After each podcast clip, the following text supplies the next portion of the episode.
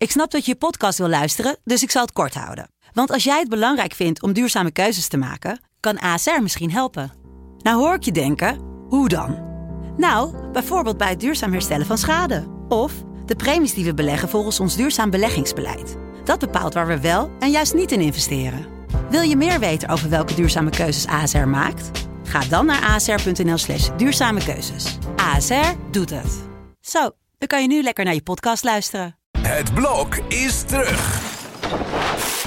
Vier koppels, vier bouwvallen, vier verbouwingen en dus een hele hoop stress. Het blok, iedere werkdag om half negen bij net vijf.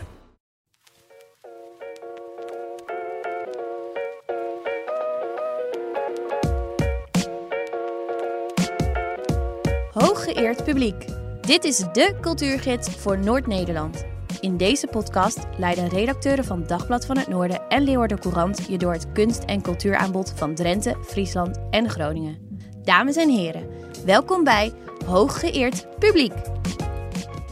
Ja, hallo. Welkom bij onze podcast. Patricia Kolthoff heeft het weer mooi ingeleid.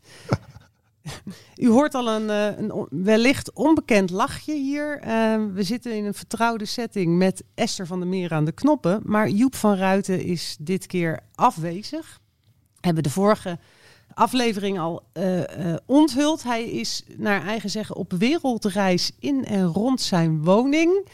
Uh, ik heb vernomen dat hij het gas van plan is te gaan verticuteren. En hij uh, wil stapels boeken verplaatsen. Dus nou, daar wensen we hem heel veel succes bij. Maar we hebben een waardige plaatsvervanger. Tegenover mij zit Jacob Haagsma, muziekredacteur bij de Leeuwarden Courant. Bekend in Drenthe, Groningen en Friesland. Al een kwart eeuw uh, ja, het muzikale nog, nog geweten. Langer, hoor. het, het muzikale geweten van het noorden. Ja, langer, Jacob. Ja, sinds uh, ik, bij de Leeuwarden Krant ben ik al sinds 1984 uh, Zo. aan de slag. Zo. Dus langer dan menige luisteraar bestaat. Heel lang als freelancer actief geweest? Ja, 32 jaar gefreelanced en toen alsnog uh, aangedrongen op een vast dienstverband. Waarom? Nou ja, kijk, als freelancer, is op zich een mooie positie, je kunt er allemaal dingen bij doen. Maar je hangt er eigenlijk altijd toch een beetje bij. He, als, je, als het de krant, niet ten nadele van de krant, zo werkt dat, maar als de krant uitkomt, hoor je erbij. Hoor, uh, past de krant niet, dan hoor je er niet bij. Dat. Ja. En zeker ook met nou, de afgelopen coronatijd uh, in het achterhoofd ben ik heel blij dat ik toen geen freelancer meer was. En dat ben ik nog steeds. Nou, en wij ook. We zijn nu echte volwaardige collega's. Hoe is dat? Uh, je schrijft al ongelooflijk lang over muziek. Hoe, hoe is het om het muzikale geweten van het noorden te zijn? Nou, daar heb ik niet erg veel last van. Ik schrijf mijn stukjes en ik hoop dat ik serieus word genomen, maar dat is al moeilijk genoeg. En verder, uh, ja, ik krijg eigenlijk toch betreurenswaardig weinig uh, respons in die zin. Ik had laatst uh, Little Kleine gerecenseerd, die cd. Ja. Met inderdaad de in opspraak ook geraakte. De, zwaar in opspraak geraakte Lil Kleine. En die recensie ging ook over die vragen. Wat moet je dan met zo'n man? Maar hij, hij blijft wel, uh, je kunt hem cancelen, maar hij blijft wel een van de meest gestreamde artiesten. Nou, daar heb ik toch precies één mailtje over gehad. Van iemand die dat helemaal uh, not done vond. Kijk, dat is meestal wel een goed teken. Op hè? zich wel, maar eentje vind ik toch wat weinig. Ja. Wij gaan uh, uh, samen praten over kunst in het noorden. Mijn naam is Kirsten van Santen. Ik ben dus ook van de Leeuwarden Courant. Um, ja, we, we, ontkomen er niet aan om uh, even stil te staan bij gebeurtenissen waar we de vorige podcast twee weken geleden nog eigenlijk niet van konden dromen. Het, het, is oorlog in het, het oosten. Ja. Poetin is de Oekraïne ingevallen. maar um, om even op de actualiteit in te zoomen. Het is ook oorlog in de kunst, hè, zou je kunnen zeggen. Um, de Hermitage sluit uh, uh, de deuren. Uh, er was op dat moment een expositie met werk van revolutionaire avant-gardisten, nota bene. In Haarlem was er een mini-festival rond Stravinsky en Tchaikovsky. Kraste door. Um, de kunst, uh, die er eigenlijk niks aan kan doen, wordt ook uh, medeplichtig gemaakt in een oorlog. Wat, wat, wat, hoe komt dat op jou over, Jacob? Is dat terecht, dit soort nou, besluiten? in sommige dingen kan ik me er wel in vinden, maar op andere dingen gaan we veel te ver. Kijk, zo'n Gergiev, hè, dat is een heel beroemde dirigent, die is beste maatjes met Poetin en die neemt ook op geen enkel meer afstand van wat er nu gebeurt. Ja, dan, dan snap ik wel dat zo'n orkest, ik geloof het Rotterdamse Philharmonisch, dat die daar dan uh, afstand van neemt. Ja. Maar het festival met uh, Tchaikovsky en Stravinsky, ja, nee, dat slaat echt nergens op. Die Stravinsky, die man, die heeft, uh, die is uh, na bijna, nou, weet ik veel hoe oud was hij, 22, toen is hij naar het buitenland gegaan, is van mijzelf mee terug geweest. Nou ja, heel erg vrijdenkerige muziek. Shostakovich, hoe spreek dat uit? Dat is ook, dat, dat is iemand die natuurlijk al vanaf de, dat hij zijn pen in de inkt doopte al omstreden geweest. Vanwege zijn, al ja. niet zijn banden met Stalin. Dus om die nu nog een keer te gaan cancelen, dat uh, mensen zijn ook al lang dood. Dus dat, dat vind ik een, met alle respect een beetje nergens op slaan. Ja. Moet, je, moet je dan alle Russen uh, Nee, het is uh, eigenlijk het, het, het, is hetzelfde als wat er in de maatschappij in zekere zin gebeurt. Ja, ja. Dat alle Russen met de nek aangekeken worden. Dat is schandalig. Van, van ratten besnuffeld. Maar figuren als bekende sporters of zo'n Gergiev, die moet, mag je best uh, de gewetensvraag stellen. En wat ik heb begrepen is dat Gergiev ook geen afstand wil nemen. Hè? Nee, daarom. Dus dat, is, dat maakt hem problematisch. Of je dan al of niet die banden moet doorstellen, dat is dan hun. Maar dat, dat, vind, ik wel, dat, dat vind ik wel te begrijpen. Ja. Ja, jij kan je dus wel vinden in wat er, is een Labour-parlementariër, uh, uh, Chris Bryant in Engeland, en die zei: Natuurlijk moeten Poetin-aanhangers worden verwijderd uit culturele instellingen. Galeries en musea moeten met een boog om het met bloed doordrenkte Russisch geld heen lopen. Ja, dat is wel een. Uh, dat is wel een, een statement, dat kan wel in vinden. Ja. Vind, wordt, ik ook. Um, uh, ik denk wel dat het uh, heel interessant is. Dat heb ik niet zo in beeld. Dat zou een mooie onderzoeksklus uh, zijn voor de kranten. Hoeveel geld er door Russische oligarchen in, in culturele instellingen is, is gestopt. Hè? Want die zwemmen soms in ja. Russisch geld, zoals de Tate Gallery. En Oeh, ik, ik, ja. ja, nee, dat is, dat is natuurlijk een groot probleem. Die zijn nu ook in ongenade geraakt. Ja, is trouwens The Guardian ook niet van een Rus? Van zo'n oligarch? De oh, krant? Ja. Van wie zijn wij eigenlijk? Uh, ik geloof van een, van een Belg. Die, die zijn nog uh, goed in de oorlog. Maar dat, dat, dat, ik weet niet hoe lang dat, dat nog duurt. Hoe lang ik hier dan zit. um, ik stel voor dat we gaan bellen met iemand die uh, heel veel weet van de situatie ter plaatse en de ingewikkelde ja, spagaat waarin je kan verkeren. Kan jij uh, uh, eens vertellen wie we zo aan de lijn hopen te krijgen? Ja, dat is Oleg Maximov. Dat is een Russische student aan het conservatorium, jazzgitaar. Hij is ook marathonloper. En hij, is, hij is Russisch, maar hij, hij komt uit Rostov, een streek vlakbij Oekraïne. Hij heeft ook vrienden en familie, extended family zeg je dan, in, in Mariupol, wat het nu belegerd is. Dus hij zit echt in die spagaat. Hij heeft nu echt uh, last ervan dat hij met geld, dat hij, uh, dat hij niet meer naar geld kan komen. Dus hij weet niet hoe lang hij het nog uithoudt. En hij mag, dat moet ik zo meteen wel even om denken. Uh, don't mention the war, zeiden ze in Faulty Towers. hij, hij valt ook onder die wet van Poetin. Dus als je dan verkeerde Welke dingen wet? zegt. Welke wet? Nou, dat je eigenlijk niet geen wat van Poetin dan zegt, desinformatie mag verspreiden. Dus je mag het woord oorlog of invasie niet gebruiken in het openbaar. Ja. Anders dan heb je kans op uh, nou, een dikke boete. Dan als, maar als Poetin echt, het recht echt kwaad wil, uh, 15 jaar uh, de cel in. Hoe ga je dat oplossen zometeen? Nou, uh, don't mention the war. Oké. Okay. Maar ik ga, ja, ja, ik, ik, de, de verschrikkelijke gebeurtenissen momenteel aan de dieet met zoiets. Goed, we gaan hem bellen. Als het goed is, zit hij aan de lijn. Ja, dat hoop ik ook. Je gaat in het Engels met hem praten? Ja, ja. ja. Dus dat kan ik een beetje en hij kan het heel goed. En ik hoop dat de luisteraars... Uh... Hallo? Hallo? Hallo, this Hello? is Jacob. Is Hello, Jacob. Hi, how are you doing today? Bit of a funny oh, be better than yesterday. Better than yesterday. How's that? Yeah. Uh, just uh, getting used to, to a new life, I'd say. So. Oh, okay. Well, that's a good thing because you're in a, a very uh, difficult situation as a Russian in Groningen, and you told me that you have friends and relatives in Ukraine, in Mariupol, no less. No less. Yeah, that's correct. That's true. And are you in touch with them? Did, do, did, do you hear any news from them, or?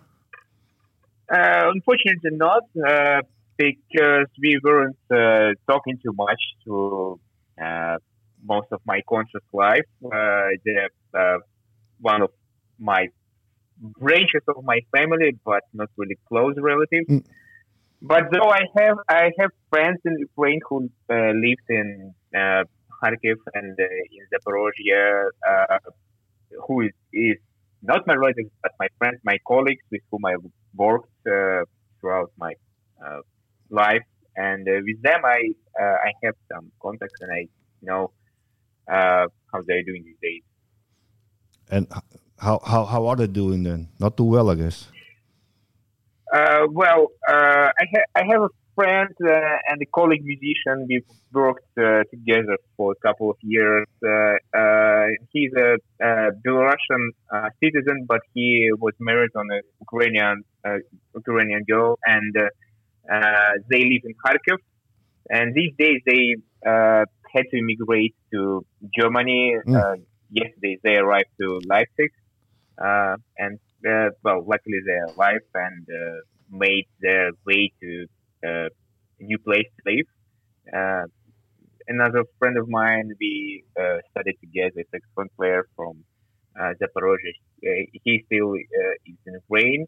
Uh, we, we've been in touch a couple of days ago, and he he's doing fine as far as, as could be said about uh, about uh, life in his country Okay. but still, uh, at least he's alive and uh, healthy, and uh, I, I, ha- I was happy to receive this uh, news from him that he's still Oh, that's a good thing. he's still here, and I, I, I pray for for him and for, for all of my friends and relatives who Oh, wow. uh, li- live in Ukraine. Uh, I pray for them that they will be fine and they will uh, overcome this situation. Right. In the meantime, you have problems of your own with, with money, and that that Uh, sorry, Jakob, I, uh, can you could you please repeat the question?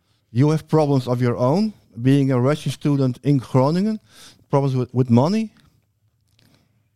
Well, uh, these are, these are problems which I uh, which almost every uh, Russian citizen and student now face Exactly. uh, who, who lives in who lives in uh, Netherlands, uh, and my problems are not unique, but uh, for me personally, they're really tough. And I mean, it's, uh, my situation is like that. Uh, it's simple, uh, but at the same time, it's pretty cruel. Uh, one one side is that uh,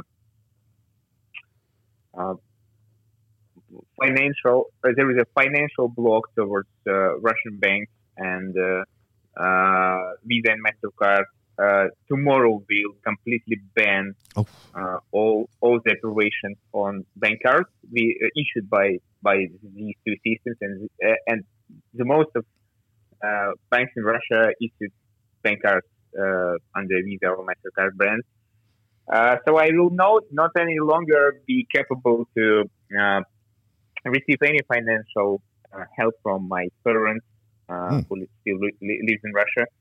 Uh, this is one side. Another side that uh, my family uh, became two and uh, or even three times poorer immediately Inflation. through these two weeks. Uh, and uh, well, I came to Groningen for a main purpose of studying, and I was uh, con- concentrated on study uh, from the beginning of this year, and I made a, a good reputation in, in uh, Prince Conservatory where I study. Uh, I even was uh, uh, sent by the by the university to uh, New York on a one week uh, uh, one week exchange study program, Oh, and wow. this exchange study program is only for those students who uh, showed a significant success in their studies. So I was I was do, really doing hard on my on my obligations as a student, uh, and I uh, wasn't uh, capable to do any type of job. So I was concentrated 100% of time on uh, doing my best in studies. Uh, but now, uh, when I received this news about blocking of all financial system, uh, obviously I have to change my uh, lifestyle, Mm. and prob- probably from now, from this moment on, I have to cha- I have to concentrate on work, uh, start to some kind of a career in Netherlands to just to, uh, be able to finance myself and finance my upcoming years of studies, yeah, Oh. on which I'm not sure.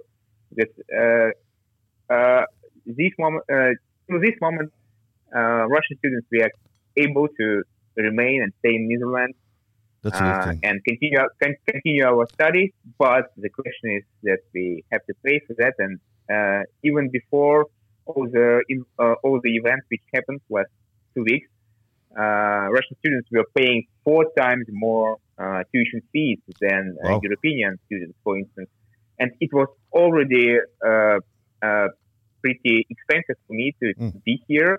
Uh, it was four times more expensive to uh, sustain living in New Zealand than in my hometown, and uh, these days it's ten times more expensive. Oh, wow. Uh, so I'm in a uh, basically right now I don't have a clue how to finance my upcoming year.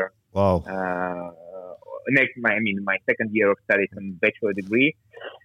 Uh, there was a good uh, good sign from the university itself, from Hunter University, uh, and I study in Prince Claus Conservatory, which is a Mm. part of Hunter Of University. course, yeah, yeah, yeah. So we we, we got a uh, like a message of uh, su- support that uh, from our dean and from from staff of the university that there are possibilities to to help us uh, as students, but uh, we still uh, we have to apply for that. We have to write our each of us has, has to write official letters to the university to ask for help. So I still had not done that, and, and if that help be provided, I will be it will be much appreciated, and probably this will save save my uh, studies uh, in Groningen. Uh, but until then, I'm not sure so, uh, how it will be possible for me to continue. Well, Uh, let's uh, let's. Let, I, I I get a message. I get got to round this off. Uh, sorry about that. But, uh, we wish you Mhm. all the best of luck, and I hope you're going to have a wonderful musical career. That next time we talk, we can talk about music, talk about uh, West Montgomery and that sort of stuff. Yeah, I oh. also I also hope we will, will next, our next speech will be completely peaceful Yes. and uh, full of uh, culture and full of music, not uh, about, not about just No. putting food on the table.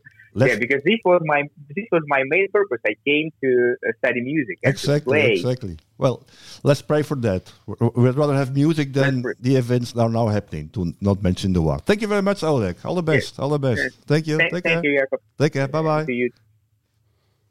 Nou, heb je toch nog het woord even op het laatste tussen gemoffeld. Ja, dat viel, dat, dat viel niet mee. Maar goed, hij heeft ook wat op zijn hart natuurlijk. eh. Goh, wat een ellende, hè? Man, Ja, ja, die kant die vergeet je bijna. ja. Ehm, een kant die ook wel eens wordt vergeten, om een heel idioot Je bruggetje goed te maken. hè? Ja, het je wordt er beter in, maar dit is eigenlijk een heel raar bruggetje, maar hij slaat wel ergens op. Eh, ehm, eh, we hebben een, eh, een schrijfster hier in het noorden, Anita Terpstra.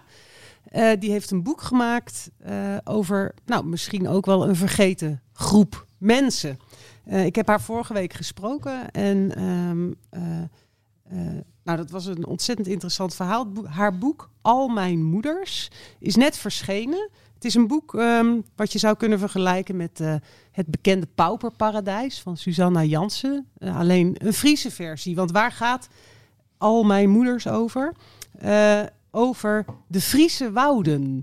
Harkema, heb jij daar eh, een geschiedenis liggen, Jacob? Kom je daar oorspronkelijk vandaan? Of eh, moeten we jouw roots ergens anders Nou, zoeken? mijn roots liggen in Gaasterland. Maar de grap is, dat is ook zandgrond. En de wouden ook. En ik kan altijd wel redelijk met, eh, met woudpieken. Althans, ze snijden me niet rood. Wat zijn wa- watpieken? Watpieken, Wat dat zijn de bewoners van die streek, de wouden, Friese wouden. Nou ja, dat, veel armoede, dus veel zelfredzaamheid. Dat staat ook in het boek volgens mij.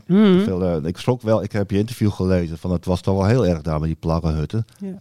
Maar ook mensen die staan bekend om een eh, korte lontje en om de, Precies. om de, de, de ruzies. En, eh, ik, ik heb net een nieuw keukenmesje gekocht van het merk Herder. En dat is een heel populair merk daar. Dus de, eh, zeggen wij ze daar, de herder is mijn redder. En daarmee bedoel ze niet de heer. Ja, ongelooflijk. Ik, ik liep mijn hondje uit te laten en toen kwam ik een buurman tegen. En die zei, wat, waar ben jij mee bezig? Ik zei, nou, ik ben een boek aan het lezen. Ik ga die vrouw interviewen.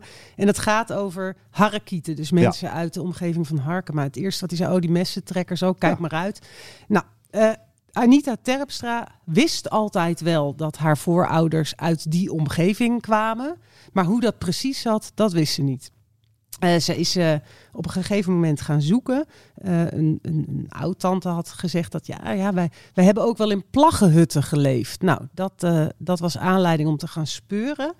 Um, en zij kwam uiteindelijk uit tot in de 17e, 18e eeuw. En zoals ze tegen mij zei, er ging een beerput open. Het ging over haar familie van moederskant, de Borgers. Waar enkele van ook in de Spitkeet, de bekende ja, uh, plaggenhut, verbouwd schuurtje, uh, hok uh, in Harkema hebben geleefd. Waar kwam zij achter? Zij kwam erachter dat haar familie bestond uit turfstekers. Dus die omgeving uh, zat vol met turfstekers in die tijd. Het bruine goud werd dat genoemd. Niet dat die turfstekers daar nou zelf heel erg rijk van werden. Integendeel, die winsten gingen natuurlijk allemaal naar het westen. Het bekende verhaal. Eind 18e eeuw stopte die veenwinning. En uh, ja, werden die turfstekers ja, eigenlijk werkloos. Probeerden in omringende dorpen uh, zich uh, te vestigen. Maar dat, dat werd niet toegestaan. Ze werden eigenlijk verbannen. Ik, hm. ik wist niet wat ik las. Uh, ze, ze moesten terug naar die inmiddels die veengrond waar inmiddels de hei op bloeide. Schrale grond waar hm. niks op wilde groeien. Behalve misschien wat schamele aardappeltjes. Nou, zij zijn zich op die hei gaan vestigen. En vandaar ook heidevolk werden ze genoemd. Ja heidevolk, verwilderde types. Anita Terpstra zegt erover. Eigenlijk zeiden ze: jullie redden je reet maar. Kerk wendde zich af. Staat deed niks voor die mensen. En ja, dat waren een soort uh, ja, zijtak van de mensheid die, die het maar moesten oplossen zelf. Ja, dat zat vol vernedering. Um, uh, uh, en eigenlijk zegt Anita Terpstra: ik voel me in het huidige leven nog wel eens heel klein. En misschien gaat armoede toch in je genen zitten. Zijn al die generaties voorouders die door die kerk en die staat zijn gekleineerd en door de omringende bewoners. Uh, zit dat ook diep in mij? En ze schrijft bijvoorbeeld over haar overgrootvader Evert. Die moest uh, uh, voortdurend naar de armvoogdij om paar guldens eigenlijk te bedelen. Mm, mm. Hij had een hoop kinderen, dan ging, mocht hij weer één gulden, dan weer eens tien gulden, dan moest hij weer wat terugbetalen. Ze weet natuurlijk niet hoe dat voelde, dat moet ze met haar verbeelding invullen. En zij schrijft dan dat hij naar binnen gaat, biddend dat er geen rij stond, dat hij geen bekende zou tegenkomen. En dan tegenover de armvoogd te staan en zijn verhaal te moeten doen, zichzelf verklaren, uit te leggen waarom hij niet rond kan komen te smeken om wat extra geld en dan te wachten op het oordeel van de armvoogd. Ja of nee. Hij bepaalt of je arm genoeg bent of niet. Af te druipen met de staart tussen de benen. Of hield Evert zijn pleidooi nog eens? Smeekte hij, omdat hij wist dat hij er thuis van langs kreeg als hij niet met wat geld thuis kwam. En eigenlijk gaat het zomaar door. Het hele boek. Al haar voorouders hebben aan deze bedelstaf gezeten. Uh, en dat ging door tot ver na de oorlog. Ze citeert uh, de krant Het Vrije Volk, 1949. Daar hebben ze het over de uitgestotenen die daar op die armzalige hei leven. En ze geven uh, de, de schrijver in deze krant ook niet heel veel hoop. De mogelijkheden tot verbetering zijn voor het tegenwoordige geslacht helaas gering, omdat de mensen in maatschappelijk opzicht zo onhandelbaar zijn. De jongens, opgroeiend in verwildering, dreigen niets anders te worden dan wat hun vaders zijn. Het is wat. En eigenlijk is dat nog steeds een beetje zo, hè? Ja, als ik het zo hoorde, zijn die zeven vinkjes van Joris Luijendijk hier recht ver te zoeken. Ja. Maar ja, ik, bedoel, ik, ik moest net denken, het wordt je koud om het hart. Maar goed, als je nou kijkt naar de toeslagenaffaire. Precies. Weet je wel, dat is, die link kun je zo leggen. En dat, dat, dat, dat doet iets met mensen. En wat, wat, wat jij zei, wat die Anita ook schrijft, van dat het echt in je genen gaat zitten. Of in ieder geval in je, in je wezen, in je, in je opvoeding en alles. Dat, dat, nou ja, dan, dan, dan, dan zit je wel met een stuk ongelijkheid wat voorlopig nog niet weg is. Nee, vooral ook omdat die stereotyperingen dus nog steeds worden gebruikt. Uh, wat, wat, ik wel knap vind wat zij in haar boek doet.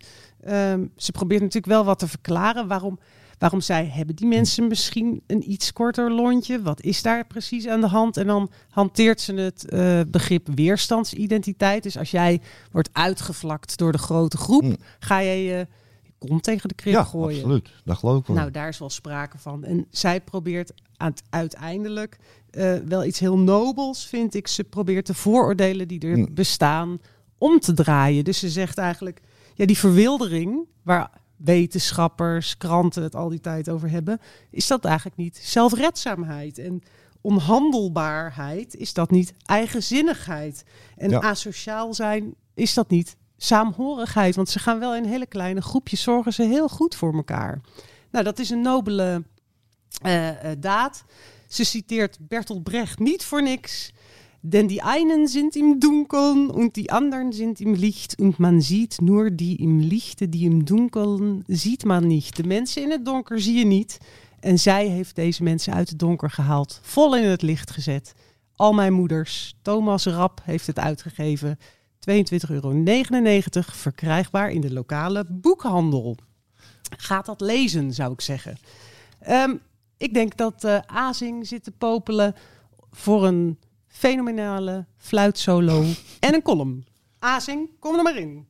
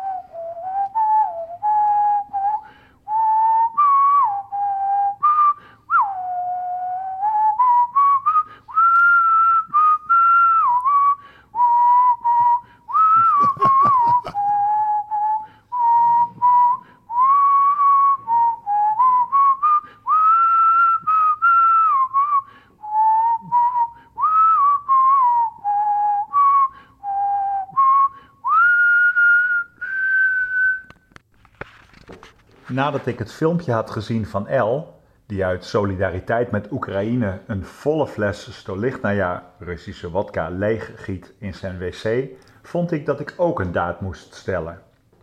Dus ging ik voor de boekenkast staan. Daar staan best veel Russen tussen de andere boeken. De gebroeders Karamazov zou ik best voor straf onder in de hoek kunnen zetten. Of tijdelijk in een kast op de logeerkamer, waar de kachel uit is en de wind door het dakraam giert. Moskou op sterk water, een van de krankzinnigste boeken over zuipen die ik heb, moet er dan ook heen natuurlijk. Ik begon al een stapeltje te maken. Misdaad en straf er bovenop. Met Gogol in de hand begon ik te twijfelen. Want Nikolai Gogol is immers in Oekraïne geboren. En hij schreef Taras Bulba over een kozak op de Oekraïnse steppen. Uitzondering maken? Nee, want Gogol schreef in het Russisch. Op de stapel met jou. En Oblomov ook. Naar de koude kamer met jullie. Toen kwam ik bij de T van Lev Tolstoy van Oorlog en Vrede.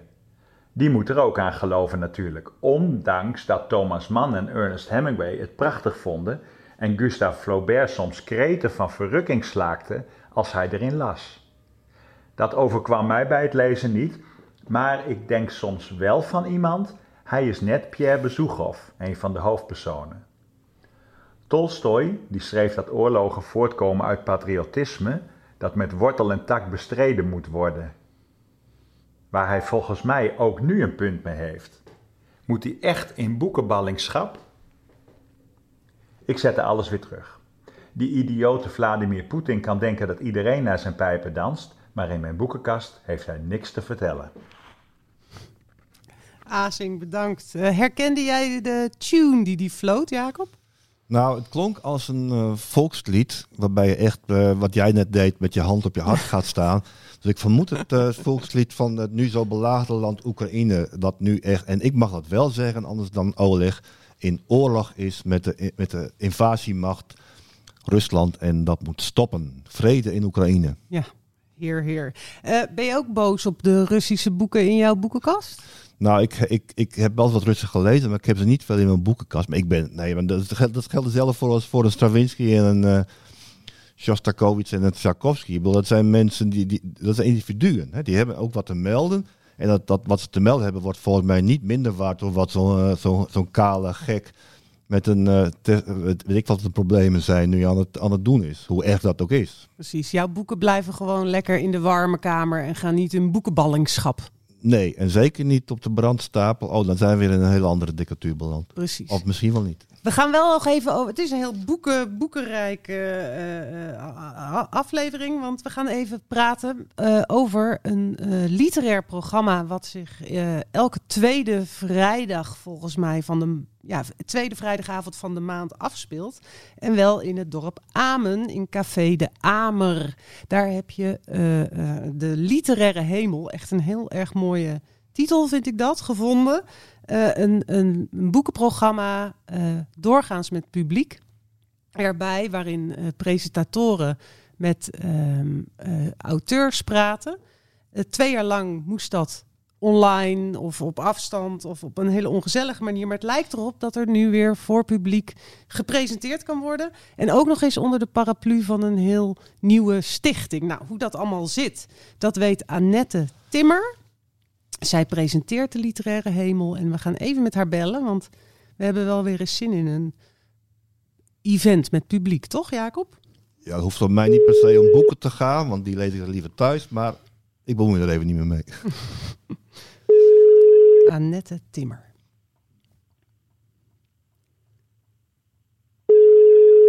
Die ook Joep van Ruiten mist. Die was haar medepresentator. Met Annette Timmer. Hey, hallo Annette Timmer met Kirsten van Santen. Je zit in de podcast Hoi. Hooggeëerd Publiek. Hoi. Goedemorgen. Goedemorgen. Mis je Joep van Ruiten al een beetje? Dagelijks. Ja, je moet het eh, eh, met. eh, ga je het alleen presenteren nu hij Nee, nee. met groot verlof is? Of komt er een vervanger?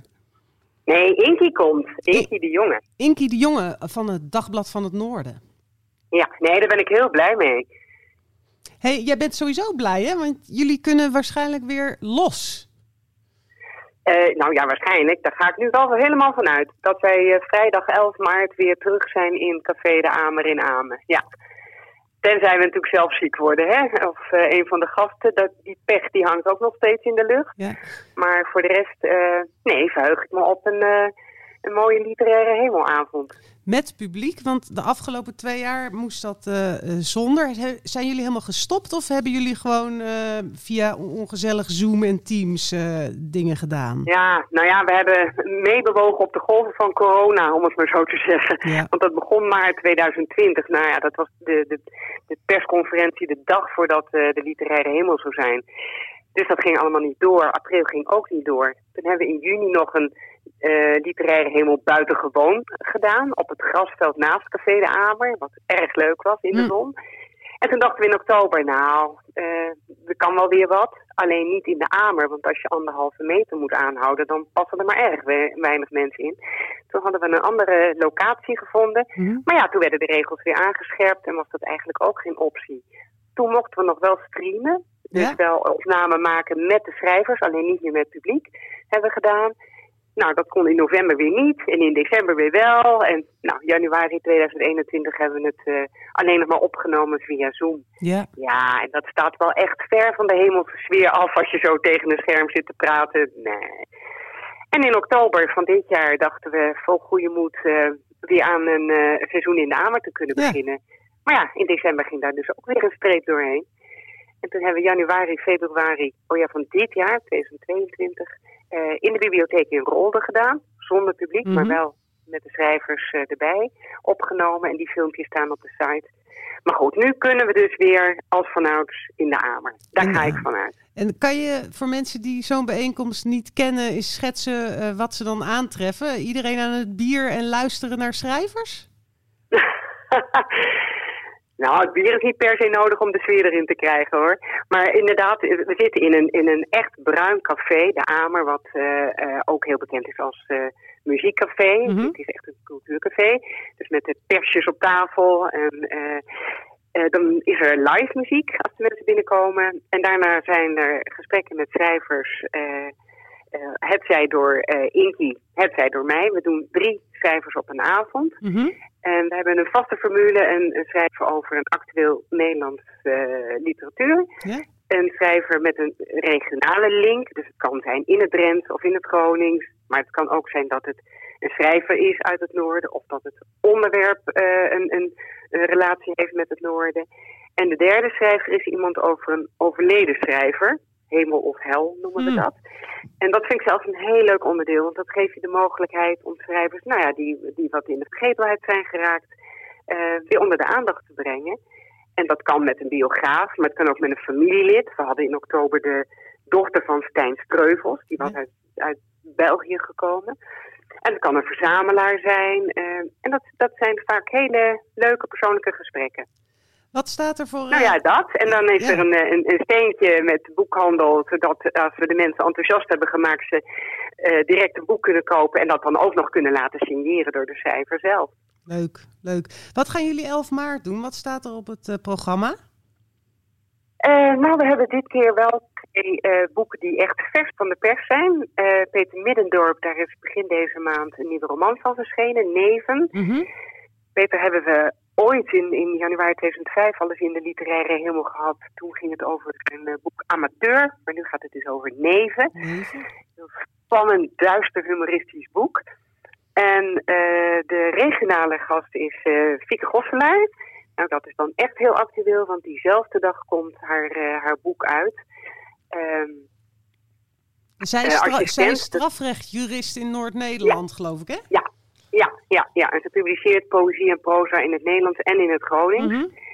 Eh, eh, dit is in het, in het Nederlands en dat zijn, eh, nou ja, er staat zo'n, ik, ik heb het dus nog niet gelezen, want het, ja, het is er nog niet. Mm. Maar volgens eh collega-schrijver Helene Hogenkamp heeft Gosselaar in deze roman onzichtbare armoede zichtbaar gemaakt op een manier die overtuigt en raakt. Nou, Nou, dat prikkelt, hè? daar word je toch wel nieuwsgierig van. en wie is de dode dichter dit keer of schrijver?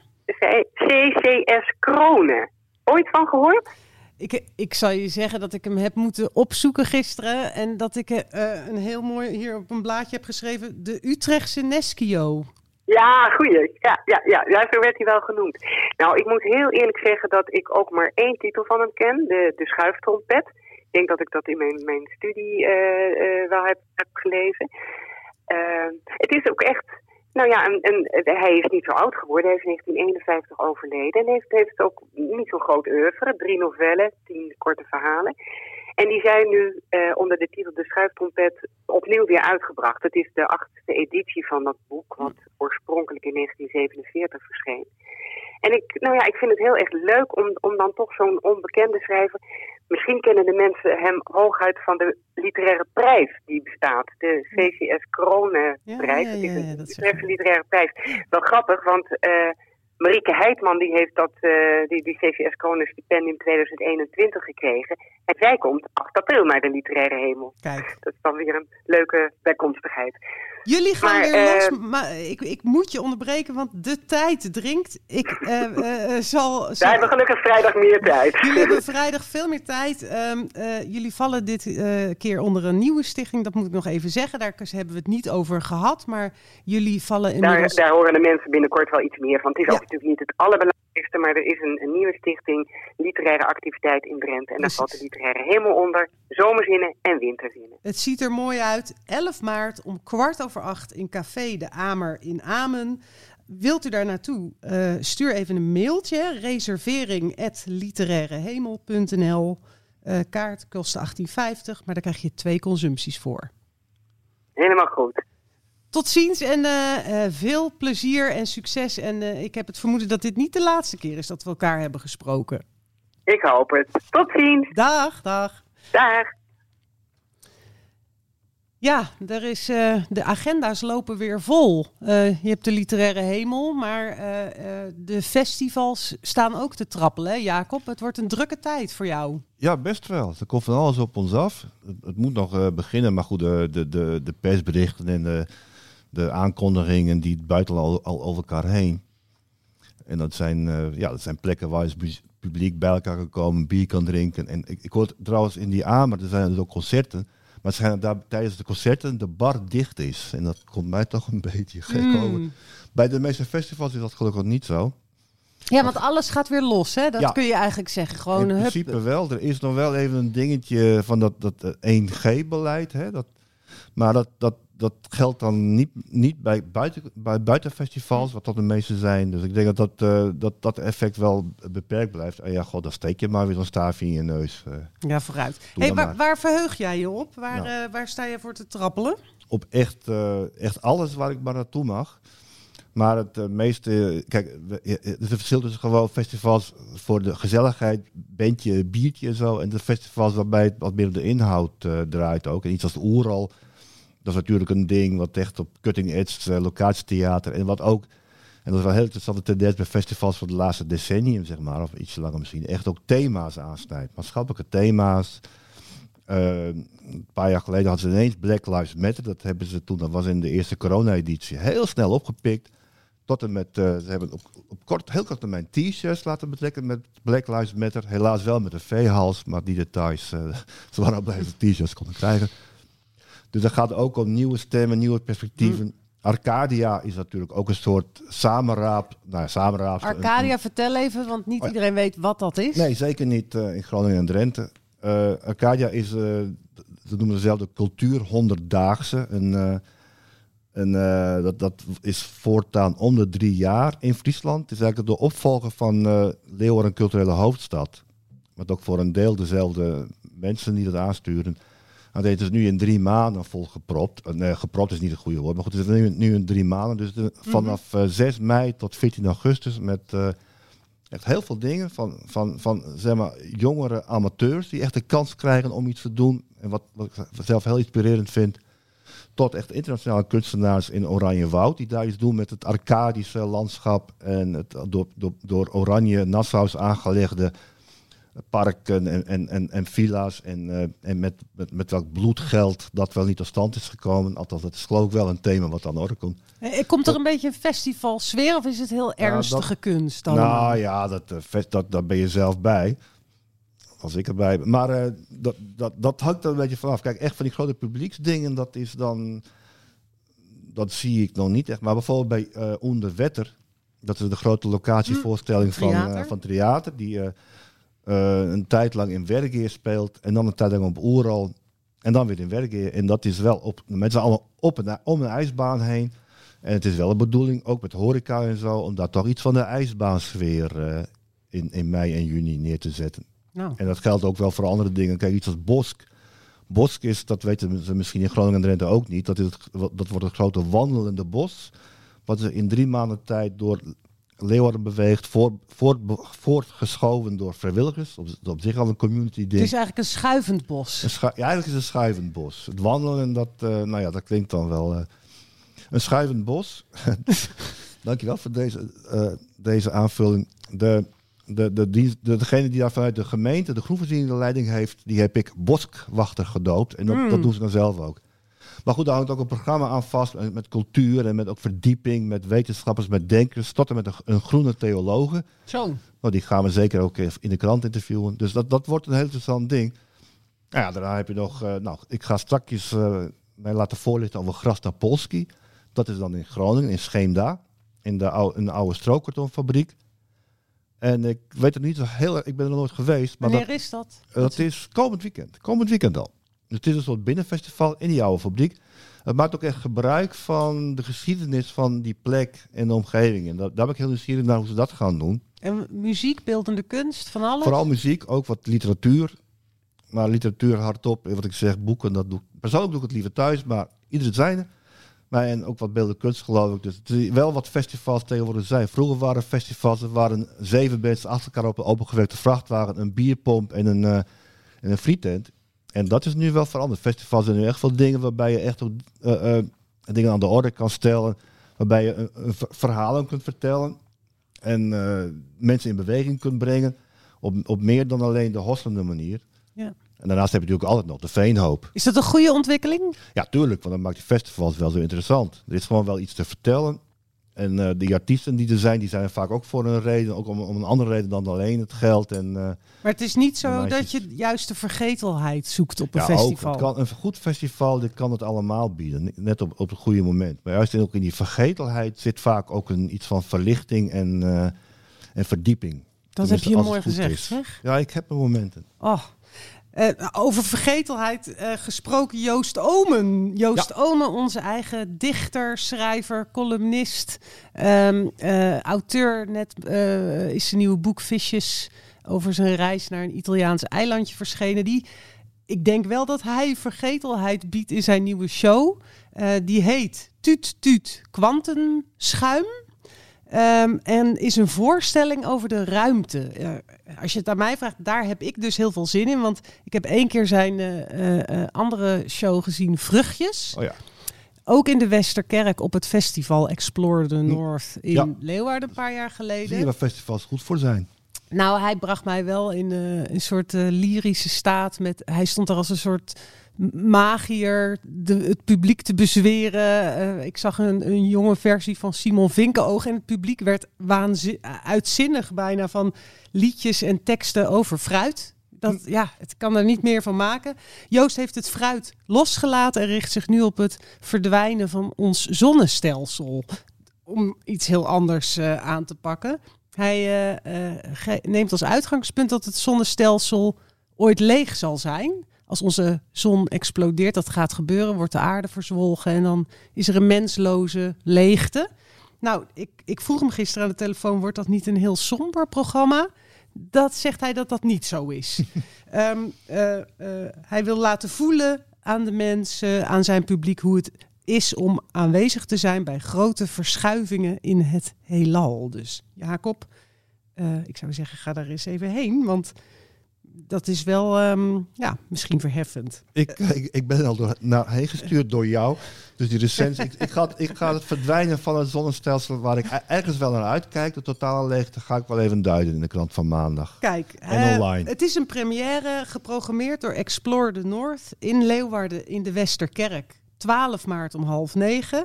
Eh, de kaartjes eh, kun je krijgen op de website www.explore-de-north.nl. Ehm, is een mooie gelegenheid om even de actuele zaken misschien wel van het dagelijks leven even te vergeten. Eh, voordat we gaan afronden, Jacob, wil ik jou heel erg bedanken. Graag gedaan. Eh, jij krijgt straks van mij het laatste woord. Oh, ik dacht een boekenbond. En ik hoop, nee. Ik, ik, ik hoop dat je nog eens komt. Ja, is goed. Ehm, we, dit was de veertiende aflevering van Hooggeëerd Publiek. Achter de knoppen zat onze Esther van der Meer. Ehm, heeft u op- en aanmerkingen, tips? Wilt u ook een keer bij ons te gast zijn? Of mogen wij met u bellen? Heeft u wat leuks? Mail ons hgp.mediahuisnoord.nl Ehm, Jacob, eh, we gaan er altijd uit met een liedje. En jij hebt eh, een liedje uitgekozen aan jou het slotwoord. Ja, wat liedje. eh, jij belt mij alleen wanneer je dronken bent. Een situatie die we waarschijnlijk allemaal wel kennen. Ik wel. Van eh Vaske. Vaske is Vasiel Kuipers. uit, uit het beeld. Uit een of andere parochie. Jacobi-parochie geloof ik. Maar eigenlijk uit, uit Ethiopië. Dus in die zin kruist hij wel wat eh, andere vinkjes aan die van Luijendijk. Maar wel goed voor, eh, voor ons. En los daarvan, eh, hij zit echt een beetje op die nederpop tour. Hartstikke leuk. Groot talent. Die jongen gaat helemaal maken. En dat gaat hier beginnen.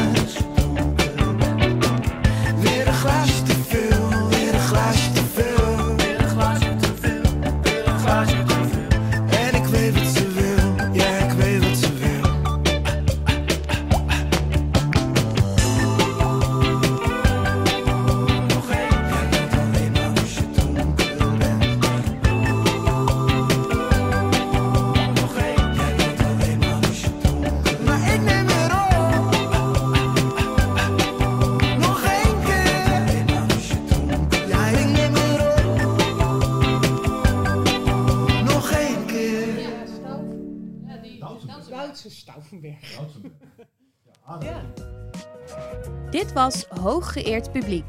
De Cultuurgids voor Noord-Nederland. Een co-productie van de kunstredacties van Dagblad van het Noorden en de Leeuwarden Courant. Dank voor het luisteren. Wil je altijd op de hoogte zijn van onze nieuwste podcast? Neem dan een abonnement op ons in je podcast-app. Sterren uitdelen mag natuurlijk ook. Daarmee help je ook andere luisteraars om ons te vinden. Over twee weken zijn we er weer met een nieuwe aanvoer kunst. Tot dan!